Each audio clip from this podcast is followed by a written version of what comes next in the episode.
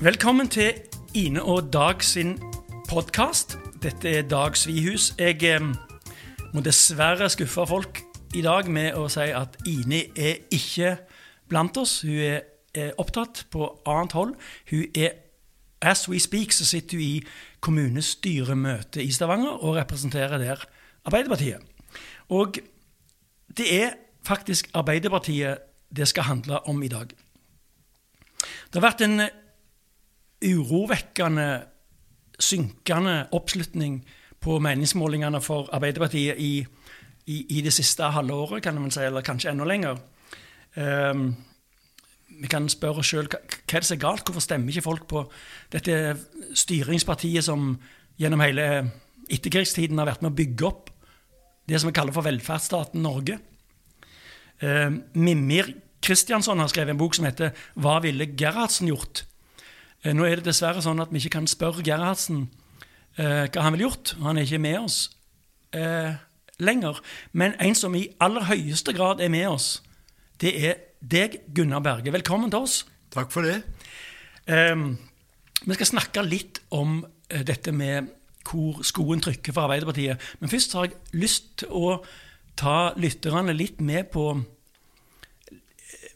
litt av den reisen du har vært gjennom som uh, politiker opp gjennom mange, mange tiår. Høres det greit ut? Det høres veldig greit ut. ja. Um, Gunnar Berge han er da født i Etne. Eh, stemmer det? Det stemmer. Ja, jeg, jeg har sagt Sauda til deg et par ganger, og da får jeg alltid litt sånn korreks. Det er nabokommunen. Ja, jeg vet det. Um, du var industriarbeider fra 57 til 1966. Det stemmer. Og så fikk du fagbrev. Eh, Du jobbet på Rosenberg Mekaniske Verksted. Du var platearbeider. Du ble engasjert i lokalpolitikken der fra 1963. Du var medlem i formannskapet i Stavanger. Allerede som 24-åring. Eh, Du var sekretær for Rogaland Arbeiderparti, og du var fylkesformann. Og så var du stortingsrepresentant fra 1969 til 1993. Du var finansminister, du var kommunalminister, du var parlamentarisk leder for partiet, og så var du leder av den norske Nobelkomiteen. Bare for å ta de store overskriftene. Var det noe feil der? Syns du det var en grei oppsummering? Det er korrekt. Ja. Hvilke av alle disse posisjonene du har hatt, eh, hva likte du best? Jeg likte alt godt, mm.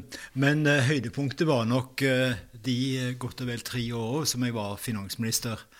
Eh, Det er lite som kan eh, måle seg med det, og det har jo sammenheng med at eh, etter hvert som jeg deltok i rikspolitikken, så ble jeg mer og mer interessert i og, og, og involvert i den økonomiske politikken. Det hadde jo sammenheng med at etter å ha vært én periode, fire år på Stortinget, så ble jeg da i min neste periode medlem av finanskomiteen. Eh, Og var faktisk medlem av den komiteen i 13 år. Så jeg hadde altså 13 års fartstid som, eh, som, finanspolitisk ta, ta, eller som medlem av finanskomiteen og finanspolitisk eh, talsperson eh, før jeg ble finansminister. Det er mange som har spurt meg hvorfor hadde du mot til å ta på deg en så vanskelig oppgave, du som ikke har eh, økonomisk utdanning? Ja, det skulle, jeg skulle akkurat til å komme inn på det, ser du. Men uh, kjør videre. Jo, men uh, jeg, jeg vil si det at for en som skal være finansminister, så er erfaring fra Stortingets finanskomité den beste utdanningen du kan få. Og der hadde jeg altså da uh, atskillig å, å fare med, nemlig 13 år i komiteen. Det er vel kanskje sånn flest folk i Norge kjenner deg. Um, jeg vil at du skal høre på ehm, dette. Eh, Budsjettmessig så er det ikke noe veien for at vi kan eh, ta opp at eh, prinsipper for 30 år. Det vil si at eh, vi får arbeidsløse på over, eh, under 80% som derigjennom sikrer konkurranseevna og landets eh, inntjeningsevne, som var mye bedre eh, enn det man hadde i fjor, da de borgerlige partiene satt ved makta. Eh, Hva gjør de selv med deres egen private økonomi i de nærmeste årene? Eh, Personlig så er jeg veldig svak for madrassmetoden. Det betyr at jeg stapper alle de likvide midlene jeg har, inn i de madrassene jeg kan se rundt i huset. Så nå har jeg stappa eh, to madrasser fulle og, går løs på en tredje rett over helga. For eh, parola må være her skal det spares, koste hva det koste vil. De som, det vel kanskje noen som kjente igjen eh, vår alle kjære Rolf Kirkvåg, nei, Trond Kirkvåg, eh, som var en, eh, en gudbenåda komiker i NRK, som her hadde en parodi på deg. Hvordan, var det å bli parodiert? Var det en ære å, å, få liksom, eh, bli en del av underholdningshverdagen til folk? Det var jo noen eh, i Stortinget som ble inspirert av eh, eh, Trond Kirkvågs parodi på meg. Eh, da ble jeg tatt i forsvar av selveste Hanna Kvanmo, som sa det var aldeles urimelig å fremstille Gunnar Berge eh, som en moderne Søren Jorvik. Så, så ille var det ikke. Men det var jo til tider hvor det var nødvendig å holde igjen. Og det er jo ofte oppgaven det til de som sitter i finanskomiteen. Jeg husker en kollega som jeg satt sammen med der i mange år, Jan P. Syse, han sa alltid til delegasjoner som kom på besøk og spurte om mer penger, at dere må huske på at dette er Stortingets komité for statens inntekter. eh, og en må aldri glemme det, at eh, det er både inntektssider og utgiftssider, og det må være noenlunde balanse. Og noen må passe på det. Det er veldig mange som passer på og er opptatt av utgiftene, men dessverre færre som er eh, like opptatt av at det òg må skaffes inntekter, og at det må være rimelig balanse og, og, og styring og kontroll med, eh, land, med, med landets eh, finanser. Så vi både skape og dele. Det er det som ligger i det. Helt korrekt. altså det, Begge deler er like viktig. Og så jobbet du jo veldig tett på Gro Harlem Brundtland. Norges første kvinnelige statsminister. Eh, hvordan var det? Jo, da, det var veldig interessant. Eh, nå hører jo med til historien at jeg hadde vært medlem av rikspolitikken, altså vært på Stortinget i fem år. Eh, når eh, Gro Harlem Brundtland kom inn i rikspolitikken som en virvelvind. Hun ble jo da eh, miljøvernminister i Trygve Brattelis regjering i 1974. Uh, og jeg fikk jo da sporadisk kontakt med henne, fordi at hun ble jo da rett etterpå, altså i 75, så ble hun nestleder i Arbeiderpartiet og fikk en sentral posisjon i, i partiet, uh, samtidig som hun var miljøvernminister. Men uh, forholdet og, og samarbeid ble jo enda tettere når hun kom tilbake til Stortinget etter å ha blitt valgt storting, til Stortinget i 1977. Så kom hun til Stortinget som vanlig stortingsrepresentant i 1979. Og da gikk hun inn i finanskomiteen, og da ble jo jeg hennes sjef, rett og slett.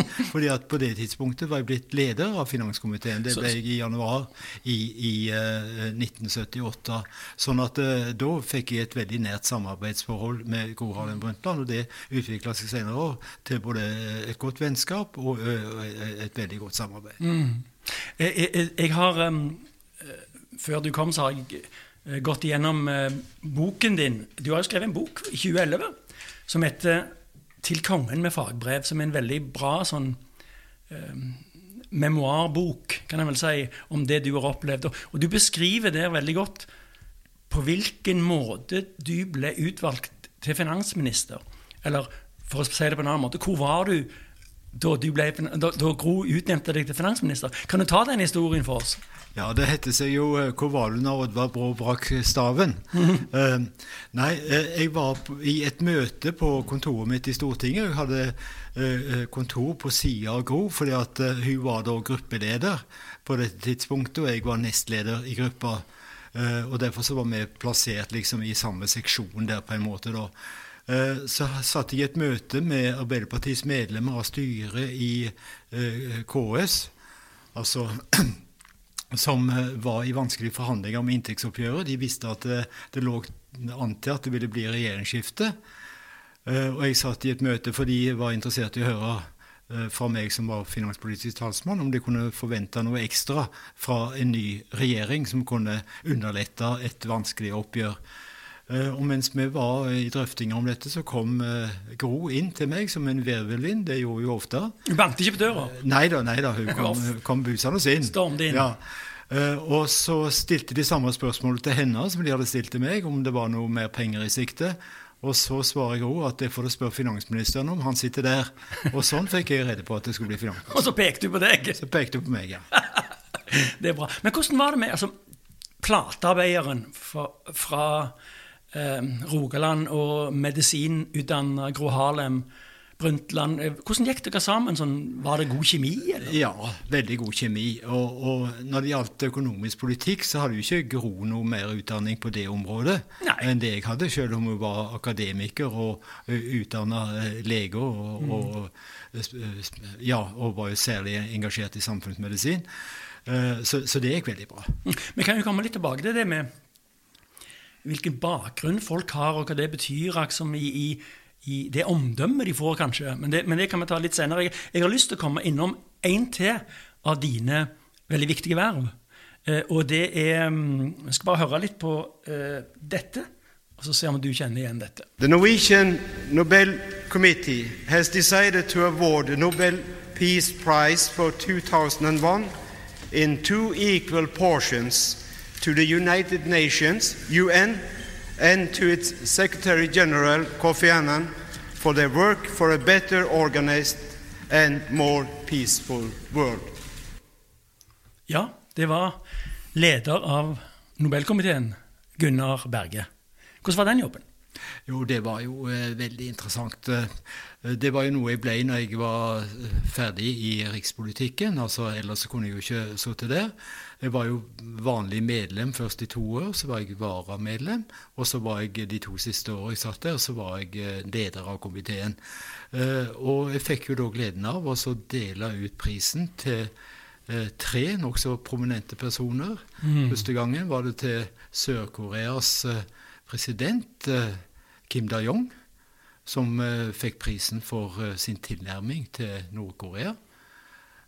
Og så den andre var altså Kofi Annan, som eh, her hørte eh, begrunnelsen for. Altså, og til FN. Og den siste var til Jimmy Carter. Det som er litt spesielt, er at du kommer veldig tett innpå disse her. Det er komitélederens oppgave å ta imot dem på flyplassen. I dette tilfellet var det på eh, Gardermoen. Og du sitter da alene med dem i bil eh, inntil, inntil byen. Så det var jo interessante personligheter, begge, begge to. Jimmy Carter hadde jo vært eh, eh, president i USA. Eh, han eh, ble ikke gjenvalgt, han heller. Men eh, jeg må jo si at jeg setter jo han atskillig høyere enn den presidenten som nå ikke ble gjenvalgt. Ja, Det har jo vært snakk om eh, blant kjente politikere i Norge om, om Donald Trump burde blitt nominert til fredsprisen. Eh, kommentar? Ja, eh, han var jo foreslått eh, for vedkommende som fremma forslag. Har jo sjøl offentliggjort det. Men det er klart at det, var en helt uaktuell problemstilling. Og han kan jo ikke på noen måte sammenlignes med, med, med Jimmy Carter. Altså det er to forskjellige verdener, ser det ut til. Og han Det kan sies veldig mye om, om Donald Trump, men han var jo heller ingen internasjonalist. Det er vel få amerikanske presidenter som har reist så lite rundt i verden som det han har. Eh, ellers er det jo kanskje sagt mer enn nok om han i det siste. Ja, det vi skal spare folk for. For Donald Trump. Eh, hvordan, eh, hvordan er altså, Det arbeidet som Nobelkomiteen utfører, det blir jo plutselig gjenstand for utrolig oppmerksomhet. Altså global oppmerksomhet. Hvem som får fredsprisen. Kanskje mye mer enn som får, de som får priser i medisin og litteratur og sånt. Så er- Fredsprisen er en sånn global greie. Hvordan var det å stå i det? Jo, det er veldig interessant, eh, for det første. Altså, Selve forberedelsen og beslutningen om hvem som skal ha prisen, det foregår jo eh, innenfor eh, Nobelinstituttets eh, fire vegger. Eh, men eh, eh, den dagen eh, offentliggjørelsen skjer, det er som regel den andre fredag i, eh, i oktober, eh, så er jo Norge på eh, eh, toppen av nyhetene over hele verden. Så det, er, det er jo veldig spesielt. Altså. Eh, Nobels fredspris har en enorm prestisje. Og, og det er klart at svenskene er jo veldig misunnelige på oss da, eh, i og med at eh, eh, Nobels testamente jo eh, fastslo at eh, det var en norsk komité, altså en komité oppnevnt av Det norske storting, som skulle dele ut eh, fredsprisen. Og det er vel, kanskje ved siden av litteraturprisen, den mest eh, prestisjetunge. Du har hatt et, en utrolig eh, karriere, eh, og du er jo aktiv ennå. Og eh, nå har jeg lyst til å komme litt inn på det som, som har satt som tema i dag. Eh, Hva er det som skjer i Arbeiderpartiet? Hva er eh, eh, Altså, her snakker vi om en måling. Hvis jeg ikke tar feil, så hadde altså Nordfakta en måling nå på 17,5% Og det er omtrent halvparten av 36,9. Og de som ikke vet hva det tallet betyr, de, de får google det. For det, det er et viktig tall i norsk politisk historie. Men hva, hva er det som har skjedd? Ja, det er jo veldig sammensatt. Eh, Det vi ser, og det er et, eh, liksom et, eh, en internasjonal tendens, kan du si, til at politikken blir mer og mer fragmentert. Det vil si at den splittes opp i stadig flere partier. Og det har gått utover sosialdemokratiet, ikke bare i Norge, men òg i andre land. Så dette er en del altså, av denne internasjonale trenden. Eh, Men det er jo da utviklingstrekk som det iallfall ikke er så lett for oss eh, å gjøre så mye med. Nei. Det som bekymrer meg langt mer, det er at i tillegg til dette, så har vi jo kanskje påført oss sjøl, og en ser av og til tendenser til at vi påfører oss sjøl eh, problemer eh, som svekker tilliten og dermed oppslutningen eh, om, om partiet. Og det er jo det vi har noen eksempler på nå.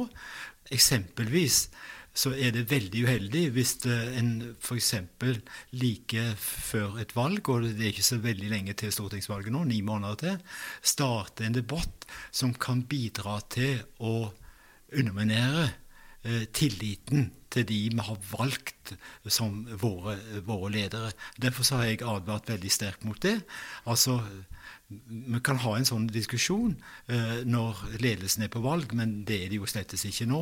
Eh, det vi har bestemt oss for, det er å gå til valg med den uh, kvartetten som vi har som ledere, og de er særdeles kapable folk. Og jeg, jeg syns det at Jonas i en vanskelig periode og i opposisjon har dokumentert veldig godt at han vil bli en veldig god statsminister. Det er jeg ganske overbevist om. Altså Landet vil være i trygge hender eh, hvis Jonas får, får eh, t- ta over som statsminister fra høsten. Men er det ikke sånn altså hvis, hvis den går til Nå har jo um, um, Berntsen um, Fornavnet det litt. Torbjørn. Torbjørn Berntsen har vært ute og slengt med leppa igjen og sagt at nå må vi snakke om ledergreier. Det er en annen Berntsen som trente Viking inntil ganske nylig. og hvis en ser på idrett, så er det jo helt vanlig at når, når resultatene ikke er gode nok Nå vant riktignok Viking cupen i fjor, så jeg skjønner liksom ikke problemet, men, men når ikke resultatene er der, så, så, så skal vi ta en, en lederdebatt, eller en trenerdebatt. Ja, Nå kjenner jo jeg begge disse Berntsen veldig godt og setter stor pris på dem. Det er hyggelige folk. Eh, du trenger ikke sammenligne dem på noen måte. Det paradoksale eh, når det gjelder Bjarne Berntsen, er jo at eh, han må jo slutte etter å ha oppnådd fantastiske resultater med Viking. Så det er ikke mangel på resultater som gjør at han er skjøvet ut. Men for øvrig så får Viking og og, og andre ordne opp i den saken. Mm. partiet ligger nok eh, meg litt eh, tyngre på sinnet. Mm. og der må jeg si at jeg er helt uenig med Tove Berntsen i eh, at eh, det er behov for å reise den type debatt nå. Altså, Det skaper bare strid og splittelse og splid i, i partiet.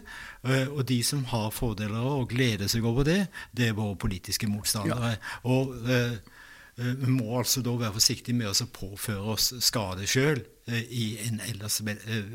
med et ellers veldig vanskelig utgangspunkt. Men eh, det går ikke an å, å diskutere tall. For det er altså 17 hva var det jeg sa? 17,5% Det er jo et fryktelig lavt tall. Eh, hvis det ikke er ledelsen, og altså at folk ikke liker Jonas Gahr Støre rundt omkring, hva er det da? Nei, det er vanskelig å svare på det spørsmålet. Eh, men eh, det som kanskje er lettere å svare på, det er jo hvordan vi må opptre for å prøve å snu denne trenden. Og da må vi skape tillit eh, til partiet. Og det bidrar vi altså ikke til ved å reise en debatt om det egentlig er de rette folkene som har valgt ut til å være våre ledere. Og nå er det jo slik at Jonas Gahr Støre er jo ikke noen nykomming, han. Han har vært utenriksminister i mange år. Han har vært helseminister. Eh, han har vært generalsekretær i Norges Røde Kors. Han har eh, hatt sentrale posisjoner i Verdens helseorganisasjon som nær medarbeider til Gro Harlem Brundtland, og hun var sjef der. Mm. Eh, det finnes vel neppe noen i landet som er bedre rusta til å ta på seg en sånn eh, oppgave. Og da kan det ikke være vår oppgave å stille spørsmålstegn ved om han er den rette personen. Ja, er, det, er, det, så enkelt som at det er en slags popularitetskonkurranse. At uh, Torbjørn Berntsen de mener at han er ikke populær nok. Og han, han Trygve Slagsvold Slagsvold Vedum er, er som en populær type. Han har 25% eller noe sånt. Det, det er spørsmål eh, om tid en har behov for populariteten. Den har en kanskje enda større behov for når en er i pos posisjon. Mm. Eh, og jeg er ganske overbevist om at eh, det ville ikke gå lang tid før eh, Jonas ville få en betydelig oppslutning som, eh, som, som, statsminister. Men han må få altså, anledning til å prøve seg. Det er når han har ansvar, det er da Jonas er best. Han er mm. kanskje mye bedre da enn han er i opposisjon. Ja. Eh, det, er, eh, det er noe med denne tiden eh, altså, som sammenfaller litt med den, den, sverk, eh, den sterke tilbakegangen for Arbeiderpartiet, meningsmålingene, som sammenfaller med pandemien. Og, og nå har jo uh, Erna Solberg og Bent Høie og, og Høyre og Venstre og KrF uh, hatt håper jeg, kanskje feil å si gleden, men de har i hvert fall klart å lede landet i en krisetid. Og uh, Bill Clinton sa en gang han ble spurt Han sa jeg var en stor president, men jeg var aldri a great president, for jeg mangla en god krise. Altså, han, han, klarte aldri å lede USA i en skikkelig krise. Og, og det mente han, det, det ville løfte han opp til å bli great. Er det noe vi, sånn, vi ser her i dag, at hvis du klarer å lede landet og stenge ned og lukke opp og stenge ned og, og være på TV døgnet rundt. Ligger det noe i det? At, at, at, at eh, eh, Høyre og regjeringen har fått lede landet i krise? Jo, altså en ser jo at uh, i mange land at uh, de som nå sitter med ansvaret under denne pandemien, uh, de gjør det bra. Danmark er jo et uh, godt eksempel på det, altså hvor den sosialdemokratiske statsministeren har uh, veldig stor oppslutning. Uh, ellers så kan det jo være litt blanda. I Storbritannia er det kanskje ikke like påfallende. Uh, men det er ofte sånn, altså historisk sett så har det også vært sånn at ledere får oppslutning i krisetider. Det er nok å vise til Winston Churchill under andre verdenskrig. Eh, men han ble jo ikke valgt eh, ved første valget i Storbritannia etter krigen. Altså Da gikk jo eh, statsministervervet til Labour, som da hadde ikke hatt den sentrale posisjonen mm. i, løpet av krigen. Så Det kan være noe i det, men vi sleit jo lenge før det. Mm. sånn at dette er jo resultatet av en litt langvarig trend mm. som har blitt ytterligere forsterka nå under pandemien. Ja. begynte kanskje med Giske-saken. Ja, det er altså, klart altså. Da ble det skikkelig bruduljer. Det er klart at, at, den har jo vært veldig belastende for oss. Eh, og en ser jo at det er rester av den fortsatt. Men, men effekten av den, den negative effekten for Arbeiderpartiet, eh, er nok i ferd med å forsvinne nå, hvis vi klarer å holde eh, tunga rett i munnen framover. Mm. Og så har det jo vært Hvis vi ser litt på Støre, så har han jo Han ble jo alltid avbilda med flosshatt og en sånn stresskoffert med penger. Det er som eh, Roar Hagen i VG sin karikatur av han. Og så er han tåkefyrsten. Altså fyrste. Han, han er tåkete. Og så har han mye penger, og han har høy utdanning. Og Da vil jeg litt tilbake til det som jeg var innom i begynnelsen, at folk snakker mye om at det er ikke nok arbeidsfolk i Arbeiderpartiet. Altså, hvor er Gerhardsen og, og Bratteli og si, Gunnar Berge, som, som hadde skitt under neglene og, og sto på i, i, i verkstedet. Uh, er det, en, er det en gyldig problemstilling? At det ikke er nok kjeleadresser i, i Arbeiderpartiet? Altså, Det er klart at eh, det er viktig for alle politiske partier, ikke minst for Arbeiderpartiet, eh, at eh, de som har fremtredende verv, f.eks. på storting eller regjering og sånn, eh, også reflekterer eh, den velgermassen som en representerer. Men vi må ikke drive det så langt som til å si at en forbrytelse har ha skaffa seg utdanning. Vi har jo kjempa livet av oss, Arbeiderpartiet, for at alle skal få god utdanning i dette landet. Eh, Og er det noen gang vi trenger folk med gode eh, god utdanning og kompetanse og kvalifikasjoner, så er det jo nettopp i, i forhold til de oppgavene som nå eh, ligger foran oss. Eh, så det, dessuten så, så må vi være klar over at arbeidslivet det forandrer seg. Det er jo ikke så veldig mange som har skit under neglene lenger, eh, men de gjør jo en veldig viktig innsats for samfunnet. Tenk på helsepersonell nå. Mm. den kjempejobben de gjør i forbindelse med pandemien. Mm. er det noe mindreverdig? Det er vel arbeidsfolk så gode som noen, det. Sånn at eh, det, det syns jeg er en eh, helt eh, tullete eh, diskusjon, eh, egentlig. Og dette at eh, Jonas i tillegg til å ha god utdanning og gode resultater fra den utdanningen i tillegg, eh, også har penger, eh, det kan jo ikke han gjøre noe særlig for. Han har arva noen penger. Altså, det var bestefaren som starta en bedrift som eh, gikk ganske godt. Eh, og, og, og ja, det må jo være lov til, òg for han, eh, å arve disse pengene. Ja. Så, så, så jeg syns nok at, at det overdrives veldig sterkt. Ja, Altså. men, men du, er jo en, du er jo en realist. Eh, men men det, det som vi snakker om nå, er jo òg følelser. Altså at folk føler dette.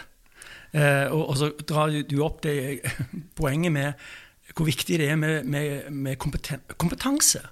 Og, og, og du har jo helt rett, men kanskje det ligger mye mer på, eh, på følelser. Altså at, at dagens ledelse i Arbeiderpartiet ikke passer med den sjablongen som en liksom ser for seg. Jo, jo da, det, det, det er klart at det kan, være, det kan være noe i det der, altså. Eh, Men, men eh, jeg syns nok kanskje at, det- at det- det til tider drives litt langt. Og, og det kan jo ikke være sånn at eh, de med god utdanning eh, de bør finne seg andre partier enn eh, Arbeiderpartiet. Uh, altså, Vi vil jo ha oppslutning fra alle grupper, uh, og da må selvfølgelig også uh, de som eh, komme med, med et annet utgangspunkt eh, enn det som har vært eh, eh, tradisjonelle, kan du si, eh, eh, yrker. og bli, bli verdsatt i Arbeiderpartiet. Og det har jo vært tilfellet. Altså, du kan gå tilbake til 1920-tallet. Da var det jo i høy grad en akademiker som var leder i Arbeiderpartiet. Han het Kjøregrep. Og, og, og, så det er jo ikke noe helt nytt, dette her, at en har folk med akademisk bakgrunn eh, i Arbeiderpartiet. Så fikk en noen fremragende ledere eh, som ble valgt allerede på 20-tallet, og, og som satt lenge etter krigen, eh, nemlig Oskar Torp og, Einar Gerhardsen, eh, og etter det Trygve Bratteli. Men eh, jeg må si det at eh, jeg kjenner jo ikke noen i og for seg eh, større intellektuell kapasitet egentlig enn Trygve Bratteli. Men han hadde bare syv år i folkeskole. Ja. Han hadde eh, Han var sånn eh, street smart, som de sier. ja. Men eh, litt over til eh, det som det er ikke så mye debatt om. Når Folk tyter om, om lederen er det rett leder, og Jonas og dette her, men um, programmet det er ingen som snakker Vi har jo nettopp Nå sier jeg med, for jeg er jo òg med i Arbeiderpartiet. Det er vel ingen hemmelighet. Men vi har jo nettopp lagd et program som skal gå til valg med, som er veldig bra. Og i dag så er det jo eh, Skal vi se Altså, det er I Rogaland så ble det 1300 personer i forrige måned nye uten arbeid. Og det er i dag eh, eh, 10 300 personer helt uten arbeid i Rogaland. Og vi har jo et program som svarer på veldig mye av de tingene som eh, folk eh, bør se verdien av nå. Men ingen snakker om programmet. Ingen snakker om løsningene. Er, det litt vår feil? Ja, det er nok det. Altså, En har jo snakka mye om det nå, eh, når en har vært inne i prosessen med å utforme programmet. Og det er ikke noe som har skjedd inne i Oslo. Eh, det har jo skjedd som resultat av en ganske omfattende prosess. Altså hvor folk over hele landet har vært engasjert. Eh, og Stavanger er jo et godt eksempel på et bredt engasjement når det gjelder utkastet til program. Det skal jo vedtas endelig på landsmøtet eh, nå til, til våren. Og jeg mener at det er det beste programmet Arbeiderpartiet har hatt på svært lenge. For det gir et veldig godt svar på det som nå er de store utfordringene, nemlig hvordan skal vi skape verdier fortsatt i dette samfunnet. Eh, gjøre oss mindre avhengig av oljeinntektene, selv om eh, også eh, olja og, og, virksomheten på sokkelen vil gi betydelig bidrag fortsatt. og Det av stor betydning, ikke minst for eh, vår egen by og, og, og vårt eget eh, fylke. Eh, så tar òg programmet og, og, peker ut veien videre, liksom hvordan vi skal håndtere de store utfordringene som ligger foran oss, nemlig klimautfordringen, eh, osv. Eh, og ikke minst det der å sikre eh, arbeid til folk. Og her eh, mener jeg at Arbeiderpartiet tradisjonelt har hatt større troverdighet enn noen andre. Men da må vi være i stand til å snakke om det vi vil gå inn for, og, og presentere det produktet som nå ligger der i form av et utkast til arbeidsprogram. Mm. Altså Istedenfor kanskje å snakke om andre og mindre betydningsfulle ting. Ja, Men det er, jo, det er jo mye enklere å snakke om, om personer. Altså, eh, en helhetlig politikk er jo en, en ganske god sånn um, tankeutfordring. Altså det å sette hele samfunnet inn i et stort bilde og lage en helhetlig politikk er mye vanskeligere enn å si jeg syns ikke Støre er populær nok. Altså, du er inne på det her at uh, når en stiller krav til konsise og klare svar, Eh, så er det vanskelig, fordi at samfunnet er nokså komplisert og vanskelig blitt etter hvert. Eh, og framfor alt så må du da ha en helhetlig politikk, eh, og du må se ting i sammenheng. Og da blir det ofte litt, litt problematisk. Men det er, representerer jo en utfordring til oss, og, og, og, der mener jeg at vi må skjerpe oss. Vi har ikke noen enkle løsninger, men vi har gode løsninger. Mm. Jeg håper i alle fall at um, um de som sier ja, det er bare en meningsmåling eh, det, Alle sier jo det når de får en dårlig meningsmåling i fleisen, at ja, det er bare en meningsmåling, det går bra og sånt. Og, og, og eh, jeg, håper de får rett denne gang, for at eh, hvis en ser på partiets politiske program, så eh, vil jeg tro at det er mer enn 17,5% av den norske befolkning som eh, støtter, støtter det programmet. Det tror jeg òg. Jeg tror det at resultatet eh, godt kan bli eh, atskillig mye bedre. Eh, og så må vi huske på det at 17 er jo ikke et gjennomsnitt av meningsmålingene. Det er jo det absolutte lavmålet vi har sett så langt. Mm. Ellers har vi da ligget på 20-tallet. Og Sist gang så fikk vi vel 27% godt og vel mm. ved valget i, i, i stortingsvalget sist. Eh, og det er klart at det er ikke uoppnåelig. Eh, men så eh, legger vi jo da opp til at vi skal danne regjering eventuelt sammen med andre partier.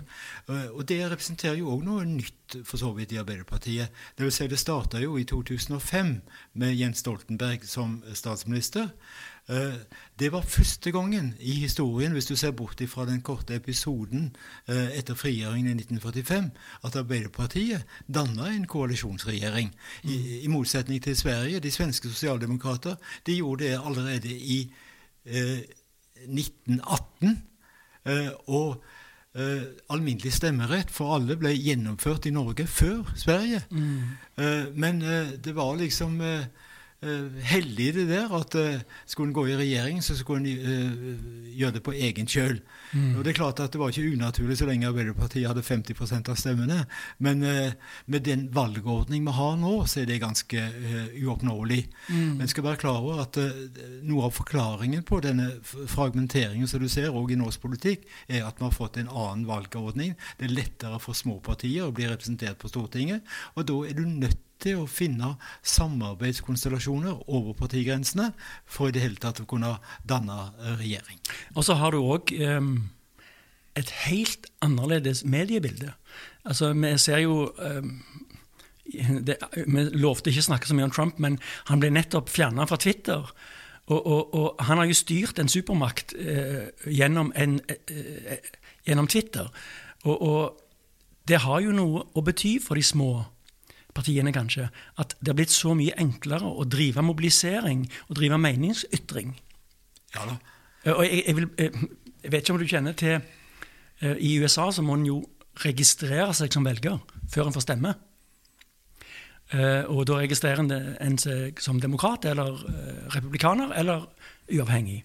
Og så har noen målt i hvilken grad de forskjellige eh, folkene er villige til å uttrykke seg politisk i sosiale medier. Uh, og det er jo sto- dette er jo store tall, og veldig nøyaktig, for en, en har så mye talldata å, å bygge på. Og 42% av eh, de som var registrerte republikanere, var villige til å uttrykke seg politisk i sosiale medier. Uh, hvor mange prosent tror du, Gunnar, av demokratenes tilhengere var villige til å uttrykke seg politisk i sosiale medier? Nei, det tør jeg ikke tippe. 6 6 og det er en så utrolig stor forskjell. Og det, jeg tror det har Nå er jeg litt sånn inne på personlige meninger, men jeg tror kanskje at jo lenger til høyre du kommer, jo flittigere er en til å skyte fra hofta med tastaturet sitt og mene ting. Og, og, og, og mobilisere på den måten. Eh, Virker det sånn Har det noe å si i dag i Norge? Det, det kan godt være at, at eh, du vil finne noe tilsvarende i Norge. Og da er det veldig viktig å være oppmerksom på dette. fordi at sosiale medier, som vi kaller det for, de spiller jo en langt større eh, rolle i meningsdanningen i dag eh, enn de gjorde før. Eh, det er jo de senere år liksom dette har blitt en faktor. Ja. Og det må vi være oppmerksom på når vi skal prøve å få fram vårt eh, budskap. At vi, vi må nytte oss av denne muligheten. Nå begynner vi å runde av litt her. Og, og, altså, du har jo vært, I over 60 år så har du vært politisk engasjert og, i, eh, i Arbeiderpartiet. Og når du starta din karriere, så hadde jo, sånn som du sa eh, så hadde Arbeiderpartiet sånn ca. 50% Annenhver nordmann stemte Annenhver nordmann stemte på Arbeiderpartiet. Og i dag så er altså Senterpartiet større, og vi er under 20, på, riktignok på noen målinger. Eh, eh, Er du bitter? Blir, blir du liksom lei og bitter av dette her? Nei da, eh, det, er lite hjelp i det å bli bitter. Og dessuten så tror jeg jo det at valgresultatet da kan lett bli et annet enn det bildet vi ser nå. Det er min erfaring fra politikken at det som fort kommer, det er fort fære. Så en skal ikke føle seg for sikker, de som nå seiler høyt på, på meningsmålingene. Men det er klart det, det er et helt nytt eh, bilde. Eh, og, og, og det er klart at eh, hvis valgresultatet skulle bli noe henimot dette, så er det ganske dramatisk. Men det er ennå tid til å snu på dette, og det er i grunnen det viktigste budskapet å få. Altså. Vil du bli å se på eh, i valgkampen nå til høsten? Ja, du kan være sikker. Ja, du kan være sikker. Er det noen gang de trenger oss, er det nå. Ja, vi trenger det, Gunnar. Tusen takk for at du kom. Og, og lykke til ut våren nå, og bank i bordet. Og nå håper vi at vi får snudd disse tallene, og sånn at de begynner å peke litt oppover igjen. Takk for det. Ha det godt.